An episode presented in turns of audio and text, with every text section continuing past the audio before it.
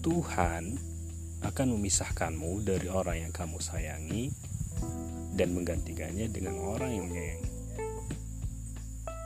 Tuhan juga akan memisahkanmu dari orang yang kamu hargai dan menggantikannya dengan orang yang menghargai. Ya, kenapa Tuhan kayak gitu? Ya, karena Dia lebih tahu apa yang kamu butuhkan, bukan apa yang kamu inginkan.